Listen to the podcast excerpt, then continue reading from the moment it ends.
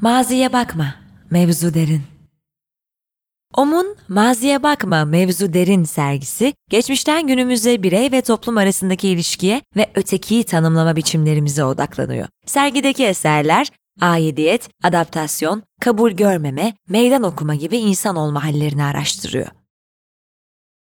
OM'un Maziye Bakma Mevzu Derin sergisine paralel olarak gerçekleştirdiğimiz podcast serisinden herkese merhaba. Mikrofonda ben Büşra Erkara. Bugünkü konuğumuz sergide farklı eserleriyle yer alan Mustafa Boğa. İstanbul Üniversitesi gazetecilik bölümünden mezun olan Mustafa Boğa, daha sonra Londra'daki Greenwich Üniversitesi ve Central St. Martins'ten yüksek lisans dereceleri aldı. Eserleri İsveç, Japonya, Almanya ve Birleşik Arap Emirlikleri'nin de aralarında olduğu pek çok ülkede sergilendi. Son kişisel sergisi çünkü yıllar yılı hayali kurulmuş bir masalın başlangıcı olabilirdi bizimkisi. Haziran 2021'de Bilsart'ta gerçekleşti. Hoş geldin Mustafa. Hoş bulduk, merhaba. Merhaba. Sergide birden fazla eserin var aslında. Bu eserlerin ikisinden bahsetmek ve hikayelerini senden dinlemek istiyorum. Bir tanesinin ismi Yabancı Nesneler ve yabancı nesnelerde e, genelde sanat eserlerine, özellikle heykelleri üzerinde görmeye alışık olduğumuz kaideler. Üzerlerinde günlük bir nesne var ve bir teyze ve amcanın onlara baktığını görüyoruz.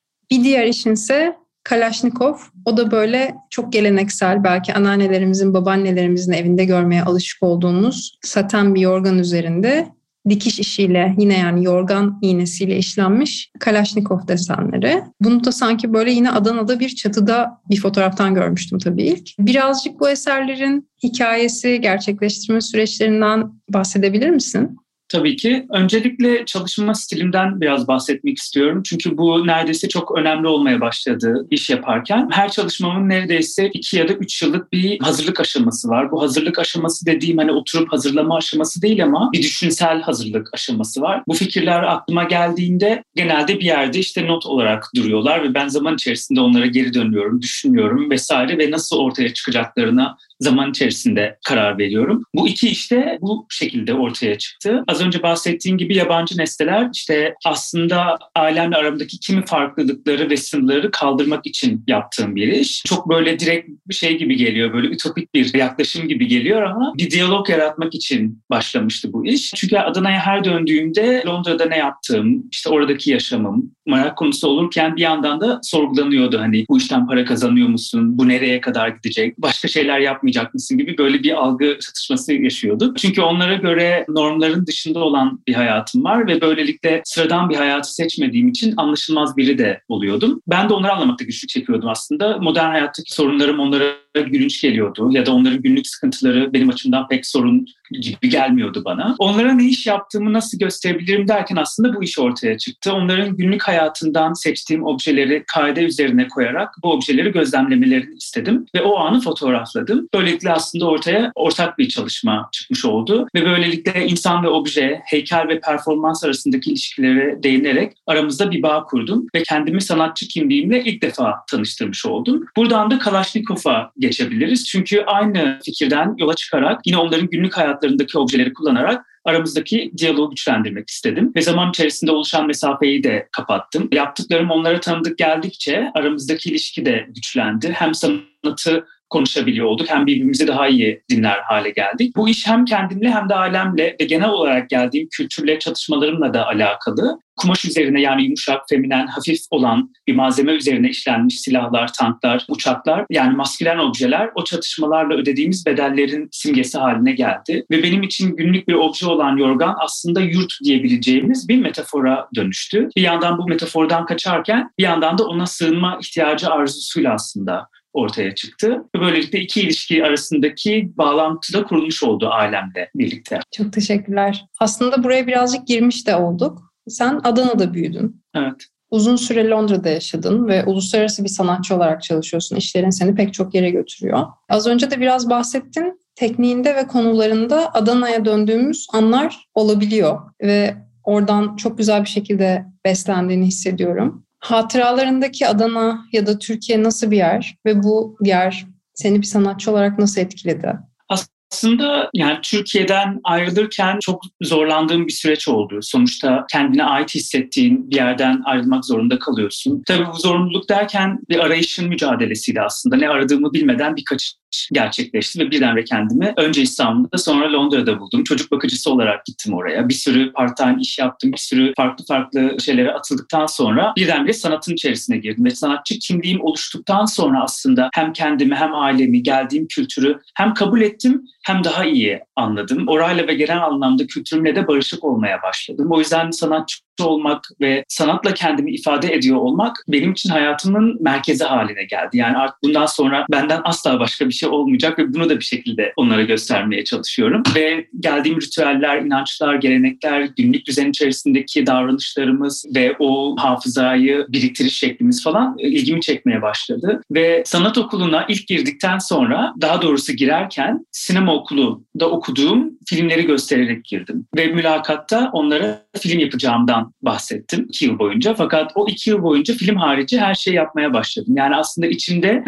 yapmak istediğim bir sürü şeyin olduğunu sanat okuluna girdikten sonra fark ettim. Tabii videoyu da sanat olarak şu anda kullanıyorum ama o iki yıl boyunca işte kolajdan tut, fotoğrafa, performanstan tut, enstelasyona kadar bir sürü değişik sanat malzemesini kullandım. Ve o süre içerisinde de bir sürü hata da yaptığımı hatırlıyorum ben. Çünkü Londra'da sanat yaparken sanki onlara hitap etmem gerektiğini düşünüyordum ve onların ilgisini çekeceğini düşündüğüm sanat eserleri yapmaya çalışıyordum. Belki yani bu o zamanlar için belki gerekli bir durumdu ama sonradan bunun e, kendi sesimi de bir şekilde duymak istedim ve belleğimde beklettiğim sanat eserlerini yapmak için Adana'ya yolculuklara başladım. Bu yabancı nesneler, işte organ çalışmaları vesaire hep o dönemlerde ortaya çıktı. Ve uzun süreli de aslında kimse tarafından pek dikkate alınmadı ve hiçbir yerde gösterilmedi ve neredeyse onda ilk kez gösterilecek organlar. Yani ben onları 3 yıl önce falan yaptım. İlk defa onda gösterilecek. O süreç içerisinde kendi ritüellerimle bir bağım olsun isterken her Adana'ya ziyaretimde yeni bir eser yapmaya başladım. Çünkü oradaki malzemeler, işte toplumun işleyişi, oradaki işte benim hafızam, orayla olan bağlarım onlardan etkilenmeye başladım ve sanat eserlerim birebir orayla ilgili olmaya başladı. Serginin ismi Maziye Bakma Mevzu Derin ve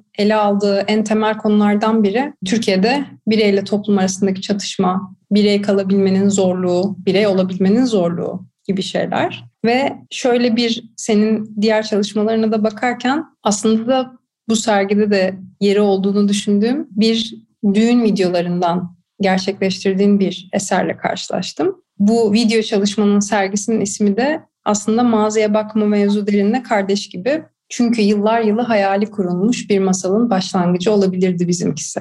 Kendi aile arşivini kullanırken, ev yapımı düğün videolarını kullanırken bireyle toplumu biraz daha yakından baktığın bir an oldu mu? Evet, çok oldu. Bu işte dediğim gibi aslında çok uzun zaman bir araştırma süreci vardı öncesinde ve nasıl, nerede, hangi şekilde yapacağımı bilmiyordum. Fakat önce ilgilendiğim kendi benliğimdi. Yani hafızamda yarattığım bir karakter var ve o karaktere bir şekilde şekil vermeye çalışıyorum. Çünkü artık büyüdü, farklı yerler gördü, bir yerlere gidiyor ve ne oluyor? Fakat bir yandan böyle onun karakterini şekillendirmiş olaylar var ve bu olaylar ne? Fotoğraflara bakınca bunları tam olarak göremiyordum ve birden böyle bir gün bir aydınlanma yaşadım. Aa dedim yani benim videolarda görüntülerim var. Fakat bunlar aile düğün arşivlerinde olan görüntüler ve aslında bir self portre yapma amacıyla bu arşivleri taramaya başladım. Sonra bir süreç başladı. Önce işte bütün aile üyelerine gidip 80'li 90'lı yıllardan kalan düğün kasetlerini toplamaya başladım. O sırada da bir saatle bir ortak çalışma gerçekleştireceğimiz ortaya çıktı ve bu çalışma orada sergilenmek üzere de desteklendi. Derken araştırmalarımı hızlandırdım ve kurgu aşamasına başladım. Kurguda da şöyle bir gerçeklik çıktı ortaya. Ben ben yaklaşık 40'a yakın düğün videosuna ulaştım ve yaklaşık geçmiş 38 yıla ait bir video arşivi var ortada. Ve videoyu izlerken, videoları izlerken daha doğrusu kendimi de bulmaya başladım. 7 yaşında, 12 yaşında, 15 yaşında, 6 yaşında vesaire falan derken aynı zamanda aile üyelerimin 38 yıllık değişimlerini gözlemlemeye başladım ve işin kendisi aslında otoportreden çıkıp yine aile portresine dönüştü. Ve bunu 15 kanallı bir televizyon enstalasyonu yaparak izleyiciye sundum. Burada da yaklaşık dediğim gibi işte 38 yıla ait görüntülerin her birini farklı kanallara verdim ve dolayısıyla beni 15 farklı kanalda aynı anda farklı dönemlere ait Mustafa olarak görebiliyorsunuz. Ve bu iş sadece artık sanatçının otoportresinden öteye o 38 yıl içerisindeki değişen işte 不知。İşte müziğe, kuaför alışkanlıklarımızdan işte nasıl davrandığımıza kadar bir sürü farklılığı da aslında belgelemiş ve onu birebir görebiliyorsunuz. Mesela 80'li yıllarda işte düğün salonlarında orkestra falan varken işte 90'lı yıllarda piyaniste dönmüş. İşte 2000'lerin başında CD'den çalarken şimdilerde işte böyle DJ falan geliyor ve öyle bir değişim var. Ya da ne bileyim işte kıyafetlerde de çok böyle bir modernize olma var. İşte hal ve hareketlerimizde ve daha önce çok e, böyle 80'lerde 90'larda çok spontane olan, çok gelişi güzel yapılan çekimler 2000'li yıllarda çok organize olunmuş, neredeyse küratör edilmiş bir düğün kayıda alışı var. İşte gelin şurada olacak, damat şuradan bakacak, birlikte şuradan girecekler. İnsanlar etraflarında şu şekilde dans edecekler vesaire diye bir kurgu var. Ve böyle bu değişimleri birebir video çalışmasında görebiliyorsunuz. Ve o hakikaten direkt sizi alıp maziye atıyor. Nostaljinin içine böyle pıt diye konu veriyorsunuz. Çok çok etkileyici ve çok ilginç tüm bu bahsettiklerim. Şimdi sergide yer alan iki eserden bahsettik. E, benim özellikle konuşmak istediğim bir eser daha var. O da Süslü Diyaloglar adında bir serinden.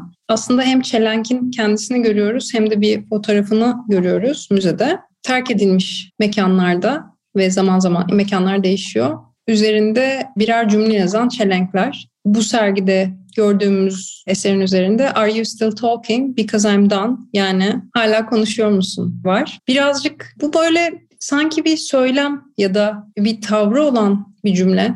Biraz bu işten evet. ve bu cümleden bahsedebilir miyiz? Tabii ki. Aslında yine bu çalışma da hem kendi benliğimde hem de geldiğim kültürle olan bağlarımdan çok etkileniyor. Yurt dediğim kavramı sorgularken onunla bir diyalog halindeyim. O yüzden çalışmanın adı Süslü Diyaloglar ve çalışma içinde bulunduğumuz durumları aydınlatmadan ziyade değişimlere karşı soru sorarak kendini tanımlıyor. Çalışma serisine bakınca cevaplardan çok sorular olduğunu da görebiliyoruz. Herhangi bir yere aitmiş gibi görünen manzaranın içine konumlanmış ama sanki oraya ait değilmiş gibi ayakta duran çiçek sepetlerinde hepimiz için yazılmış notlar var. Bunlardan hala konuşuyor musun sorusu benliğin oradan kaybolmasıyla ama içimizdeki diyaloğun devam etmesiyle alakalı ve sürekli değişen kimliklerimiz, fikirlerimiz fakat bir yandan da geçmişe olan özlem var. Nostaljinin yarattığı hüznü de bir şekilde ortaya çıkarıyor. Bir yandan kendi kimliğimizle ya da geldiğimiz dünya koşullarıyla ilerlemek isterken bir yandan da geçmişe bir bağımız var ve onu kurmaya çalışıyoruz. Fakat kültürde, toplumda ve toplumsal kimliklerde değişen durumlar ve onlar değiştikçe bireyin yapısı da aynı kalmıyor. Ve bu değişimlere izin vermek gerektiğini düşünüyorum. O yüzden çalışmalarım bir yandan biyografimin bir parçası haline gelmeye başladı. Ben değiştikçe yeni çalışmalar içine girdiğim dönemi belgelemiş oluyor. Ve bu kendi hayatım için en önemli istediğim durumda aslında. Yani biyografimin sürekli değişmesiydi ve birden fazla gerçekliğin olduğu bir dünyada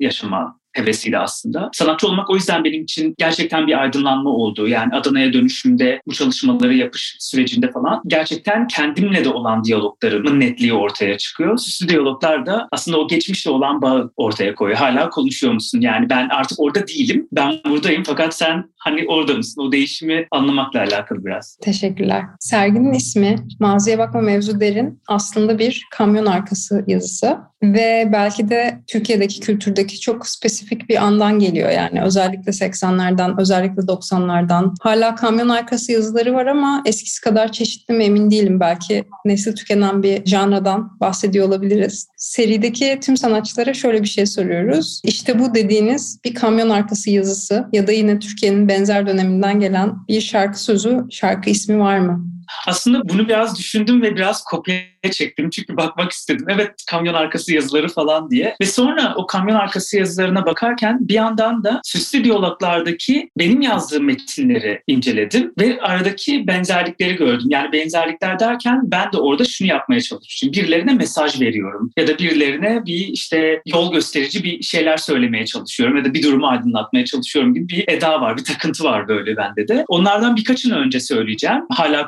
konuşuyor musuna dahil olan. Mesela orada sen olsaydın ne yapardın diye bir şey var. Ondan sonra ya da sarı şeyler geliyor. Yani bilmediğimiz bir şeyler geliyor ve ne olduğunun farkında değiliz. Bir tane de güzellikle savaşmak gerek diye böyle bir süslü diyaloglara dahil olan birkaç tane metin var. Fakat kopya çekerken ben üç tane şey aldım. Bunlardan en komiği herhalde şu. Cips paketi gibisin %70'in hava. yani neden bunu yazar? Birine neden böyle bir mesaj vermek zorundasın? Durumu da çok komik yani. Bir de çekemeyen anten taksın. Oo, bayağı güzel. Bence burada bitirmemiz lazım. Çok özür dilerim dinleyenlere. Bunu asla size söylemedik. Sadece orada yazılanları biz burada konuşuyoruz. Çok çok teşekkürler bugün burada olduğun için Mustafa. Ben çok teşekkür ederim beni davet ettiğiniz için. Bu podcast serisi OM'un Maziye Bakma Mevzu Derin sergisi kapsamında gerçekleşmektedir. Hazırlayanlar Büşra Erkara, Bala Gürcan ve Umut Özcan. Destekleri için Aposta'ya teşekkür ederiz. Bir sonraki bölümde görüşmek üzere.